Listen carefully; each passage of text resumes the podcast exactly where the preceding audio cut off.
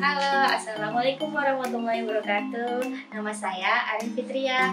Kali ini saya akan berbagi tentang Kenapa entrepreneur harus belajar perencanaan keuangan. Jadi teman-teman semua eh, Kenapa kita harus belajar perencanaan keuangan? Itu karena kita sebagai entrepreneur eh, memiliki harta Dan harta itu adalah amanah dan hak milik seseorang Di dalam harta kita sebagai seorang entrepreneur Kita kan mendapat penghasilan dari penjualan. Nah, dari penjualan tersebut kita mendapatkan harta dan harta itu merupakan amanah dan hak milik seseorang. Kenapa kok ada hak milik seseorang di dalamnya? Karena di saat kita berusaha kita e, memiliki karyawan, memiliki partner yang di mana kita harus membayar mereka atau e, memberikan hak mereka. Jadi di dalam hak, kenapa kita harus belajar perencanaan keuangan? Karena di dalam harta yang kita miliki terdapat hak milik seseorang. Nah, saya suka salah satu kalimat uh, yang begini kalimatnya, sebaik-baiknya harta yang saleh atau baik adalah harta yang dikelola oleh orang yang baik, yang amanah dan profesional.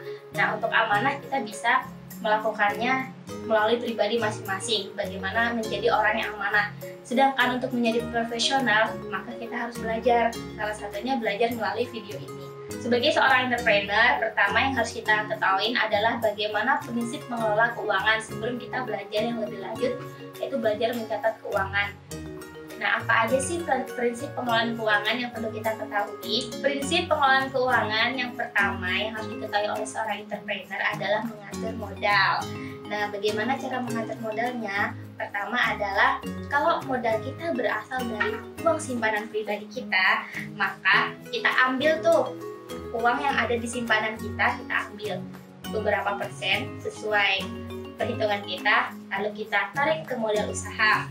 Jadi ketika uang simpanan itu kita ambil buat modal usaha maka uang yang buat modal usaha ini bukan menjadi uang milik kita lagi tapi adalah uang untuk usaha. Nah bagaimana jika usaha itu adalah satu-satunya sumber sumber penghasilan kita? Nah Caranya adalah jangan ambil semua simpanan kita untuk modal kita semua, tapi sisakan. Tapi sisakan uh, uang yang ada di simpanan kita itu untuk keuangan pribadi kita. Jadi sisakan minimal 5 bulan. Prinsip pengelolaan keuangan kedua yaitu kita pisahkan uang fisik. Nah, ketika kita sudah berkomitmen untuk menjadi pengusaha, maka uang pribadi atau uang keluarga kita tidak sama dengan uang usaha kita. Jadi jangan jangan pernah dicampur adukan. Ketika uang keluarga yaitu untuk keluarga dan kita pakai untuk uang pribadi. Ketika ada uang usaha yaitu berarti uang usaha digunakan untuk usaha, tidak tidak untuk digunakan untuk keperluan pribadi. Prinsip pengelolaan uang ketiga yaitu adalah kita harus bisa mengontrol diri kita dalam mengelola keuangan. Jadi ketika ketika uang kita sudah dipisah, jangan pernah mencampur adukan uang keluarga dan uang usaha kita. Jadi jangan pernah dicampur adukan ya teman-teman. Jadi ketika kita memakai uang usaha untuk keperluan pribadi, maka di uang usaha tersebut dicatat sebagai pengeluaran pribadi. Nah, apabila kita ambil uang keluarga untuk keperluan usaha, maka uang tadi kita catat sebagai modal usaha modal usaha kita. Jadi jangan pernah dicampur adukan. Prinsip pengelolaan keuangan keempat yaitu adalah kita menggaji diri sendiri. Uh, ini kebanyakan yang dilupakan oleh para pengusaha dan dilupakan oleh kebanyakan oleh para pelaku usaha kecil. Kenapa? Karena mereka biasanya hanya menghitung berapa yang dijual, berapa pendapatannya, berapa yang diambil untuk modal berikutnya, kemudian diambil labanya tersebut untuk kepentingan pribadi. Sebenarnya bukan seperti itu. Kita harus juga menghitung gaji untuk diri kita sendiri. Dan gaji itu ada dua macamnya. Yang pertama gaji tetap. Kalau gaji tetap itu berarti bahwa kita mengambil biaya operasional dari usaha kita dan kita tetapkan gaji kita misalnya satu bulan satu juta setengah atau satu juta dua ratus atau satu juta tujuh ratus. Sesuaikan dengan beban beban apa yang kita kerjakan dalam usaha kita.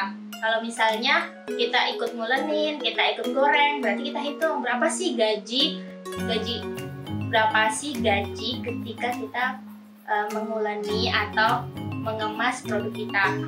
Yang kedua adalah gaji prosentase.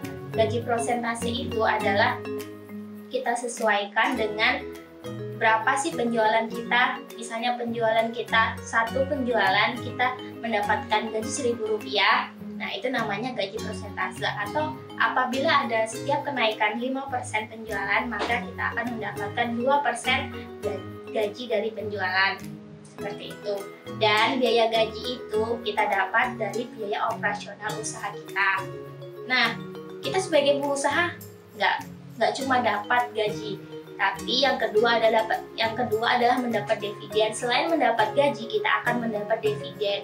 Dividen adalah laba yang dibagikan pada akhir tahun atau mungkin teman-teman bisa membaginya setiap akhir bulan. Dari dividen itu eh, kita tidak boleh mengambil 100% laba dari usaha kita. Jadi dividen itu diambil hanya 10 atau sampai 20% dari total laba yang kita miliki. Nah, lalu sisanya buat apa?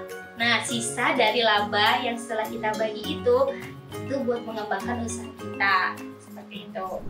Prinsip pengelolaan keuangan kelima yaitu adalah menggunakan pihak ketiga. Ketika usaha kita udah mulai maju dan mulai membesar, maka kita membutuhkan orang yang mencatat keuangan kita, yaitu kita perlu meng-hire pihak ketiga. Misalnya meng-hire seorang accounting. Teman-teman pernah nggak sih ngerasain jualan lancar tapi nggak kaya-kaya? Atau tidak jualan lancar tapi bisnis tidak berkembang? Misalnya karya karyawannya cuma segitu-gitu aja. Kok nggak punya punya cabang sih? Kok nggak bertambah bertambah omsetnya? Seperti itu kita bela bisa belajar dari Kakebo Cycle nah dari sini kita belajar uh, bagaimana berapa banyak sih uang yang kita miliki saat ini Berapa banyak sih uang yang harus kita simpan untuk usaha kita? Bagaimana saya bisa memperbaiki keuangan dan berapa sebenarnya yang saya belanjakan? Nah, kebanyakan teman-teman tidak memahami tempat ini. Kenapa nggak memahami tempat ini? Karena teman-teman semua tidak pernah mencatat semuanya. Tidak pernah mencatat hasil penjualan, tidak pernah mencatat berapa sih labanya, dan tidak pernah menghitung berapa biaya operasionalnya yang lebih riskan lagi tidak pernah menghitung secara pasti berapa sih harga pokok produksinya. Nah, sebenarnya dari situlah kenapa bisnis kita nggak berkembang. Yang utama adalah karena kita tidak pernah mencatat dengan rapi keuangan kita. Kenapa sih kita harus mencatat laporan keuangan kita secara baik dan benar? Nah, sebelum kita mencatat Sebelum kita mengetahui itu, alangkah baiknya kita mengetahui apa sih laporan keuangan itu. Jadi laporan keuangan adalah catatan informasi keuangan suatu perusahaan pada suatu periode tertentu yang dapat digunakan untuk menggambarkan kinerja perusahaan tersebut. Yang perlu digarisbawahin yaitu adalah catatan informasi keuangan. Karena laporan keuangan itu berupa catatan informasi keuangan, berarti teman-teman semua harus mencatat semua keuangan dan semua transaksi yang terjadi pada bisnis teman-teman semua. Nah, laporan keuangan itu ada empat. Yang pertama ada neraca, yang kedua laporan laba rugi, yang ketiga laporan arus kas, dan yang keempat laporan perubahan ekuitas. Nah, selanjutnya Kenapa sih laporan keuangan itu penting banget buat seorang entrepreneur? Nah, kita bisa analogikan bahwa bisnis kita adalah sebuah sebuah kendaraan. Entah itu mobil, pesawat, atau bahkan sepeda. Kita analogikan bahwa bisnis kita adalah sebuah kendaraan. Jika bisnis teman-teman adalah sebuah kendaraan, maka teman-teman adalah sebagai seorang drivernya. Maka laporan keuangan itu adalah berfungsi sebagai dashboard dari kendaraan tersebut. Coba teman-teman bayangkan, ketika mengendarai sebuah mobil nggak ada dashboardnya, maka kita akan kebingungan nih, nggak bisa lihat e, berapa sih kecepatan yang sudah kita lapoin, atau enggak kita nggak tahu nih kalau safety belt kita belum terpasang dengan sempurna atau kita bahkan tidak mengetahui seberapa banyak sih bensin yang kita miliki itu. Nah, laporan keuangan itu sangat penting karena laporan keuangan adalah salah satu tolak ukur utama untuk seorang pengusaha mengambil keputusan dalam usahanya. Kata Warren Buffett, accounting is the language of business. Jadi, accounting adalah bahasanya dari sebuah bisnis. Jika teman-teman ingin memenangkan sebuah bisnis, maka teman-teman harus bisa bela belajar accounting juga. Nah, bagaimana cara mencatat keuangan dengan baik dan benar? Di era sekarang ini adalah era serba digital. Jadi teman-teman semua nggak perlu repot mencatat keuangan itu dengan susah payah. Misalnya setiap hari kita harus mencatat menggunakan tulisan tangan. Tapi di era digital ini banyak banget aplikasi yang mendukung teman-teman semua untuk mencatat keuangan, baik keuangan pribadi maupun keuangan perusahaan.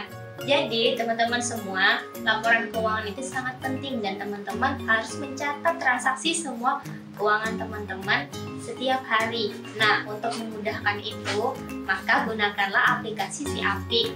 Karena dengan aplikasi si Apik, maka teman-teman telah dimudahkan dalam pencatatan keuangan. Jadi teman-teman nggak perlu lagi nyatat dari buku 1, buku 2, atau buku 3. Cukup sekali klik tombol di aplikasi si Apik dan tinggal mencatat pengeluaran, penerimaan. Nah, maka akan keluar laporan keuangan setiap bulannya. Oke, terima kasih teman-teman. Sampai di sini pembelajaran kali ini. Semoga pembelajaran kali ini bermanfaat buat teman-teman semua dan menambah hasanah keilmuan teman-teman tentang finansial literasi. Dah.